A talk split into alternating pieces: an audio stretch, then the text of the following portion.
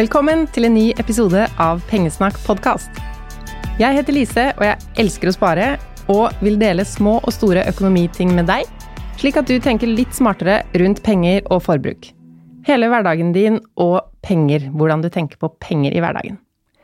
Vil du lære mer om meg og lese ting jeg har delt før, så kan du besøke bloggen min pengesnakk.no, eller du kan følge meg på Instagram. Pengesnakk heter jeg overalt. Dette er en litt spesiell episode for meg. På en måte så håper jeg dere merker det, og på en annen måte ikke. Det som er, er at jeg nå har flyttet ut fra boden min på loftet. Eller altså, jeg har ikke bodd der, men jeg har spilt inn podkastepisodene mine der. De syv første episodene av Pengesnakk podkast er spilt inn inni dyneboden min, mellom laken og puter. Men nå sitter jeg i et helt ekte podkaststudio. Lyden er bedre. Jeg håper ikke den var umulig før, men den er bedre nå i alle fall. En annen positiv ting er at det er litt lettere å ha gjester her enn inne i boden. Jeg kan gjøre intervjuer. Jeg har noen planlagte besøk allerede, men om dere har forslag til gjester som dere vil skal komme hit og prate penger med meg, send meg en melding, så kan jeg invitere noen hit. Men enn så lenge, i dag er det just me. Jeg tenkte egentlig at jeg ikke skulle snakke om den der skattemeldingen i en podkast. Jeg er jo ikke noe ekspert på skatt, og så finnes det jo gøyere ting å snakke om. Men så er det noen faktorer som gjør at jeg allikevel skal si noen ting om skattemeldingen i dag. Skattemeldingen er jo det vi kalte selvangivelsen før, eller som het selvangivelsen. Det ene grunnen er at dere har lurt på et par ting, og det andre er at mange av oss bruker skattemeldingen litt feil. Jeg vet ikke om det gjelder deg, men noen vil kjenne seg igjen i dette her. Skattemeldingen er en oversikt over din økonomi, slik den så ut da vi gikk inn i 2019. Og det er de beløpene som står der, som skatteetaten bruker for å finne ut hvor mye skatt akkurat du skal betale for i fjor. Noen av summene har kanskje rukket å endre seg på de månedene siden første i første, men for de aller fleste av oss så er skattemeldingen en god oversikt over viktige tall i vår økonomi. Her kan du f.eks. finne smålån du ikke visste at du hadde. Da kan det være en god idé å betale ned det når du kan, så får du en enda mer oversiktlig skattemelding neste år, og mindre tid med renter hvis det er sånne dyre lån. Du kan også finne at du har noen kroner i banker du ikke lenger har noe forhold til. Det skjedde med meg. Jeg eh, Det er jo ikke noen grunn til å ha flere kontoer enn nødvendig. Jeg visste faktisk ikke at jeg hadde penger i denne banken, men eh, samtidig så overrasker det meg ikke. Jeg har vært innom mange banker på jakt etter den beste sparerenten. Når det gjelder lånerenter, så har jeg greid å holde meg til én eh, bank. Vi snakket litt om det sist gang. Jeg har Banken min har satt ned renten dit jeg vil ha den når jeg har spurt. Så det oppfordrer jeg deg også til å gjøre. Hvis du har høyere lånerente enn det banken viser på nettsiden sin, eller det andre banker kan tilby deg, spør. Bare spør om de kan gi deg tilsvarende, eller lavere, før du eventuelt bytter bank. Og husk da, når du tar den samtalen, at dere må snakke om det samme, og da helst om den effektive renta, ikke den nominelle som er før gebyrer osv. Noen banker har mye større forskjell mellom nominell og effektiv rente enn andre. Men i dag snakker vi om skattemeldingen. Skattemeldingen ble tilgjengelig for er det en uke siden da, og siden da så har jeg hørt folk spørre hverandre om de fikk igjen på skatten. Jeg sier jo noen ganger at jeg opplever at penger er litt tabu, men det kan jeg trekke tilbake, for dette snakker vi visst litt om. Jeg er jo glad for at vi kan snakke om penger og økonomi i hverdagen, men måten vi snakker om skattemeldingen på, er litt uheldig, syns jeg. At vi jubler for å få igjen. Yes! Fikk igjen på skatten! Og de som får baksmell? Å, stakkars. Du var jo heldig i år, da. Fordi det handler ikke om heldig eller uheldig. Skattemeldingen er ikke et lotteri hvor staten har enten bestemt seg for å gi deg penger eller for å ta penger fra deg. Å få baksmell kan faktisk bety noe positivt. Ta meg som eksempel. Jeg jobber jo litt på si. Og hvis mine småinntekter ble større enn forventet i fjor, altså hvis businessene mine gikk bedre, så er det jo ikke synd på meg. Det er jo bra. Hvis jeg, eller du, tjente mer enn du og skattekortet ditt hadde regnet med, så er ikke det uheldig. Det er superbra. Og hvis du får færre vakter og jobber mindre enn skattekortet ditt tilsa, er jo heller ikke det noe å feire selv om du fikk igjen noen tusenlapper på skatten. Du hadde regnet med å få mer inntekt i fjor, men fikk mindre. Målet med skatteoppgjøret, mener jeg, bør være å betale inn akkurat riktig mengde skatt i løpet av året. Jeg skal komme tilbake til hvordan eh, etterpå. Skattemeldingen skal sjekkes for feil og mangler. Altså, du skal ikke sjekke den som en lotteribillett, eller lodd, heter vel det, hvor du bare sjekker summen som står nederst. Vant jeg? Tapte jeg? Uansett utfall, legger den vekk uten å gjøre noe mer. Hvorfor mener jeg det er så dumt å få igjen på skatten? Jo, fordi det må ikke bety at du har tjent mindre enn du planla. At du får igjen på skatten, kan også bety at du har planlagt å få igjen mer penger på skatten. For det er en velkjent strategi. Trekk mer skatt hver måned, og så er du garantert å få igjen penger før sommeren. Eller etter sommeren, hvis du er selvstendig næringsdrivende. Får du penger tilbake på skatten, føler du deg kanskje rik. Kanskje også litt smart, fordi du har eh, lurt systemet og brukt skattetrekket som din egen sparegris. Greia er at du ikke trenger å føle deg så innmari smart om du bruker denne strategien. Nå er jeg litt streng her i dag, det er ikke likt meg. Penger og sparing skal jo være positive greier, spesielt i denne podkasten. Men det jeg mener, er at det finnes smartere måter å spare på enn gjennom høyt skattetrekk. Så jeg mener at hvis du får mye igjen på skatten, så er du enten litt uheldig, eller bitte litt dum. Ingenting å skryte av, i hvert fall, at du fikk penger igjen på skatten. Tanken om å ta litt av lønna hver eneste måned, den er ikke dum. For all del, det er mitt favorittsparetips og er kjempesmart. Men det finnes smartere ting du kan gjøre for å føle deg rik før sommeren, enn å betale inn for mye skatt og på den måten låne skatteetaten pengene dine. For skatteetaten er ikke veldig interessert i å låne pengene dine og derfor betaler de heller ikke mye rente.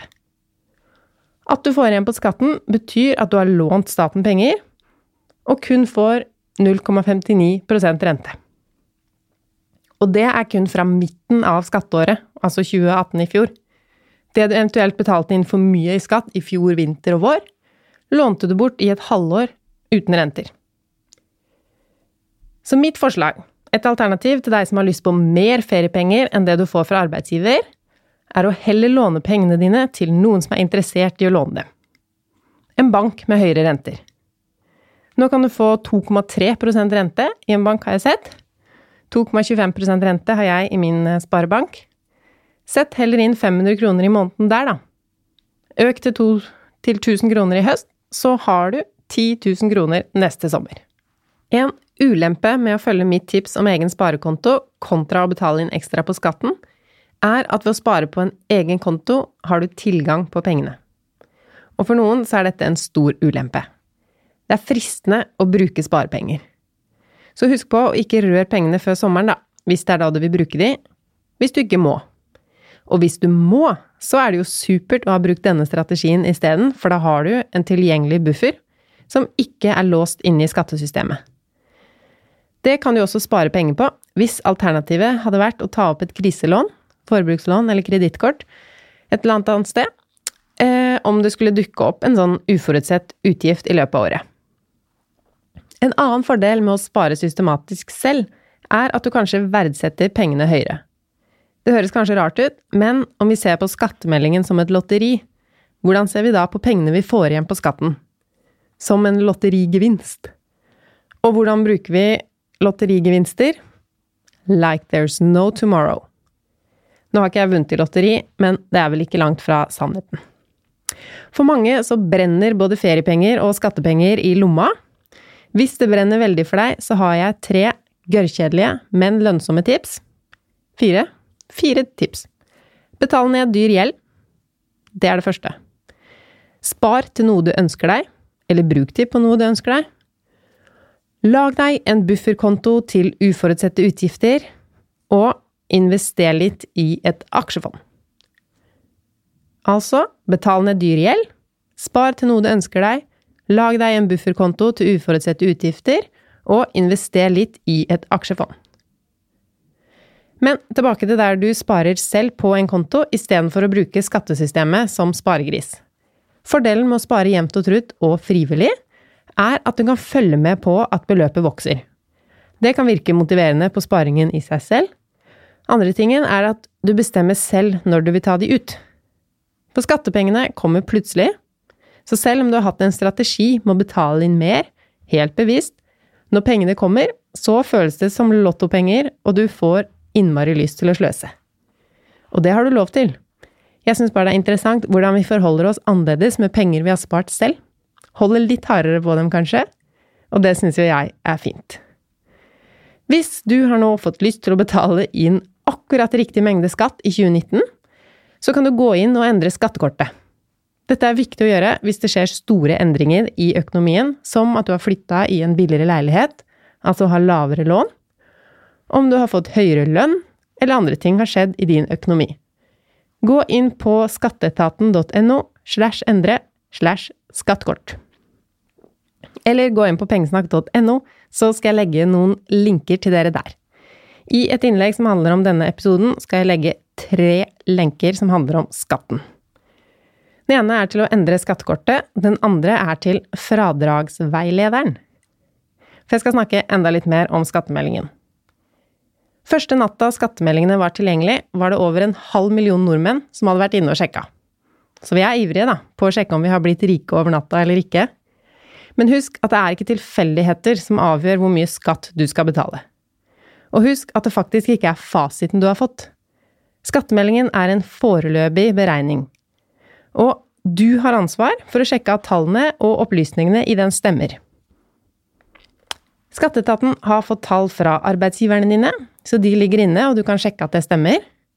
De har fått tall fra bankene du har penger i, bankene du har lån i, boligen din vet de om hvis du eier, og så er det en rekke fradrag. Fradrag er beløp man kan trekke fra på skatten. Et eksempel er BSU-sparing, som vi snakka om i forrige episode. Hvis du sparte full pott, 25 000 kroner, i BSU i fjor, har du krav på et fradrag på 5000 kroner. Det er jo ganske bra. I tillegg så er det fradrag for barnepass, gjeldsrenter og ganske mye annet, så for å hjelpe deg til å finne ut hvilke fradrag akkurat du har rett på, så har Skatteetaten laget en side hvor du bare krysser av hvilke ting som er relevante for deg, eksempel om du har barn som er under tolv år, så kommer det opp hvilke fradrag du har krav på. Så det legger jeg inn en link til. I tillegg til fradrag så er det en del ting som har verdsettingsrabatt. Det ordet har du kanskje ikke hørt før, og det er heller ikke noe jeg bruker i dagligtalen. Men på skattemeldingen min i fjor var det en stor feil i verdsettingsrabatten av hytta mi, som jeg fant ut av, justerte og slapp unna en del skatt på å få rettet opp i. Verdsettingsrabatt handler om at en del av det du eier, i skattesammenheng, ikke er verdt hele sin verdi. Altså at formuen din, når man skal se hvor stor formuen er, så tar man ikke alt du eier, plusser det sammen og får et tall. Det er en rekke ting som verdsettes lavere enn sin reelle verdi, altså du får verdsettingsrabatt. Så kronglete ord, men verdsettingsrabatt er noe positivt noe som gjør at grunnlaget for formuesskatt blir mindre, og kan resultere i at du, betale, at du ikke må betale formuesskatt, eller at du kan betale mindre. Jeg skal illustrere med et eksempel her. Og det handler om hvis du har tre millioner i banken. Bankinnskudd gir ikke rett på verdsettingsrabatt. Så har du tre millioner i banken, så er den skattemessige formuen din tre millioner, og du må betale 13 000 kroner i formuesskatt. Har du derimot 3 millioner i aksjefond, i aksjefond så er det 25% verdsetningsrabatt, så ender du opp med en formuesskatt på under 8000 kroner. Har du de samme 3 millionene i egen bolig, primærbolig, som har 75% verdsetningsrabatt, ender du opp med en formuesskatt på null kroner. Og nå, når det virker som vi skjønner dette her med verdsetningsrabatten, så blir det vanskeligere. Vi starter med primærboligen din. Hvis du eier en bolig som du bor i, så er verdsettelsesrabatten noe som gjøres før skattemeldingen. Altså, når du sjekker opp den posten hvor det står verdien på boligen din, så skal det bare stå 25% av boligverdien. Kjøpte du bolig til 3 millioner, så skal det stå under 1 million i skattemeldingen. Her har vi trukket fra 75% på forhånd. Når det gjelder aksjer og fond, er hele sparebeløpet ditt fylt ut, og det med å trekke fra 25% skal gjøres i skattemeldingen. Altså ikke på samme måte som med boligen. Så ikke trekk fra noe på gjeld eller aksjer eller noe sånt det blir trukket fra i et regnestykke som du kan se i skattemeldingen. Så det er den tredje linken. Linken til alt du trenger å vite om verdsettingsrabatt. Hvilke ting som gir rett til rabatt, og om det skal fylles i før eller etter. Jeg håper det var eh, forståelig. Jeg tror vi har snakket nok om eh, skattemelding, så jeg skal heller snakke litt om 84 eh, kroner som har kommet inn i livet mitt. Kanskje har det kommet inn i livet ditt også? Alle som har barn og rett på barnetrygd, har nemlig fra og med mars fått økt barnetrygden med 84 kroner i måneden per barn. Barnetrygden går fra 970 kroner til 1054. Det er jo ikke mye, men det er fortsatt 84 kroner. Tenkte litt på det i går, for da kjøpte jeg nye sko til sønnen min. Eller nye, jeg kjøpte brukte fotballsko til sønnen min. De kosta 60 kroner. Og da hadde jeg jo fortsatt 24 kroner til overs av de 84 kronene, hvis det var de jeg hadde tatt med meg ut på tur. Og det er jo en firepakk med yoghurt, det. Jeg skal ikke anbefale deg å bruke de nye barnetrygdpengene på Adidas-sko og yoghurt hver eneste måned, men det kan du gjøre. Det du også kan gjøre, er å spare pengene hver eneste måned. Sparer du de i 15 år, har du plutselig 15 000 kroner. Investerer du dem i 15 år, så kan de ha blitt 25 000 kroner. Eller i hvert fall 20 000, da. Det er jo hjelp i til et uh, konfirmasjonsselskap, eller kanskje bidrag til sertifikatet.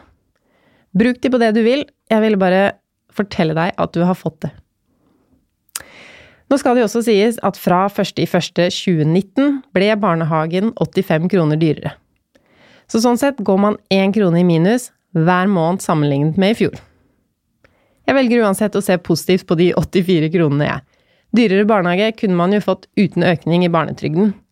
Barnetrygden så jeg har faktisk stått helt stille siden 1996.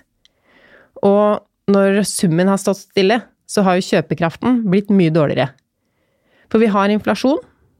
Inflasjon er det som gjør at eksempel det en yoghurt kosta i 1996 Nå jobber jeg i Tine, så derfor tenker jeg mye på yoghurt, beklager det. Det en yoghurt kosta i 1996, er ikke det samme som det en yoghurt kosta i dag. Så når du fikk 970 kroner i 1996, så hadde du råd til mye mer yoghurt enn det du har nå i 2019. Yes, det var inflasjon, at ting blir dyrere og dyrere, og derfor er det så dårlig sparetips å spare i madrassen. Nå har du kanskje ikke fått det som et sparetips, men det beste sparetipset er å spare et sted du får renter, i hvert fall nok til å holde tritt med inflasjonen, så pengene dine ikke taper kjøpekraft. Jeg hadde skrevet opp fire ting jeg ville snakke om i dag. Skal vi se om vi er gjennom det. Skattemeldingen, ja. Frist for å endre noe. Hvis du går inn og sjekker, finner noe du vil endre, legge til noen fradrag og sånn. Fristen er 30. april. Kanskje du skal sette deg ned i påsken og kose deg med det her? Skattekortet kan du endre når som helst, og det kan du også endre flere ganger i løpet av året hvis det skjer ting. Jeg legger link til det inn på pengesnakk.no, sammen med link til fradragsveileder og linken til verdsettingsrabatt, dagens nye ord. Spareballongene? Ja, spareballongene. Der er vi i måned nummer to. Så for de av dere som er med på den challengen med spareballonger, det handler om å spare litt første måned, 1% av lønna. Litt mer nå, 2% av lønna. Og det skal gå til en bufferkonto. Og 2% av lønna, hvis du tjener 20 000 kroner i måneden, så er det 400. Tjener du 40 000 kroner i måneden, så er det 800 kroner. Sett det inn på sparekonto med en gang marslønna kommer inn. For mange er det i dag, hvis du hører på når denne episoden er helt fersk. Bakgrunnen for spareballongene er jo å få spart opp til en bufferkonto. Mer om det på bloggen, jeg legger en link til spareballongene også, jeg. Det er en ballongbukett vi fargelegger etter hvert som vi sparer prosenter av lønna. Veldig visuelt og fin måte å spare på. Jeg vet at flere har involvert litt større barn i eh, spareballongene. Skikkelig kult. Så var det barnetrygden, ja. For de av dere som har barn. Ønsker du å starte sparing til barn, så passer det kanskje å begynne med de 84 kronene vi får ekstra nå fra mars. 100 kroner i måneden kan du øke det til, kanskje. Det blir 25 000 kroner i banken over 18 år. Kan bli 35 000 i fondssparing. Altså, bare 100 kroner i måneden blir store summer over tid. Sett det opp som et fast trekk, så du ikke glemmer å huske på det hver måned. Dette skal vi snakke mer om i episoden om barn og foreldreøkonomi. Så ikke stress om du ikke har en ordning med barnespar enda. Eller om du ikke har råd til å ha det akkurat nå. Penger skal ikke være stress. Det er mye bedre for kidsa med foreldre som ikke er stressa, og som lærer barna sine økonomisk sans. Det er bedre enn en fet bankkonto som venter på dem den dagen de skal kjøpe seg russebuss. Siste på lista mi i dag er Selge 100. Hashtag Selge 100. Som er mitt prosjekt for å få ut fingeren og legge ut småting for salg på nett. Ting jeg ikke bruker eller trenger lenger. Mange av dere er med på Selge 100, og en av dere delte på Instagram i går at hun har solgt for 20 000 kroner hittil i år. Så gøy! Den summen er ikke jeg oppe i i det hele tatt. Målet med utfordringen Selge 100 var å motivere meg til å legge ut annonser for små ting. Ting som i seg selv ikke har så stor verdi. Men om man selger 100 ting med liten verdi, så blir det mye til slutt. Og så blir det ryddere hjemme, da. Jeg skal dele noen små tips med dere på slutten, det vanskeligste, erfarer jeg, er ikke å komme i gang. Altså, jeg har et sted i huset, leiligheten, hvor jeg legger alt som kan selges eller gi bort. Så det er tips nummer én. Ha et sted man legger ting som kan selges. Tips nummer to er just do it. Bare legg ut noen annonser. Har du noen minutter, ta med telefonen til det du skal selge. Knips noen fine bilder. Klær bør vises på en person. Bilder bør helst tas i dagslys og bare få lagt det ut. Beskriv det du selger så godt som mulig, selv om det er noen eh, feil og mangler. Det bør du oppgi i annonsen. Størrelsen er viktig å få med. Uansett om det er en bukse eller kommode, så er det fint å si noe om størrelsen.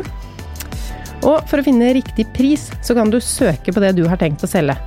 Så finner du andre annonser med folk som selger lignende ting. Da har du en pekepinn på hvilken sum du kan legge din ting ut for salg for. Det var det.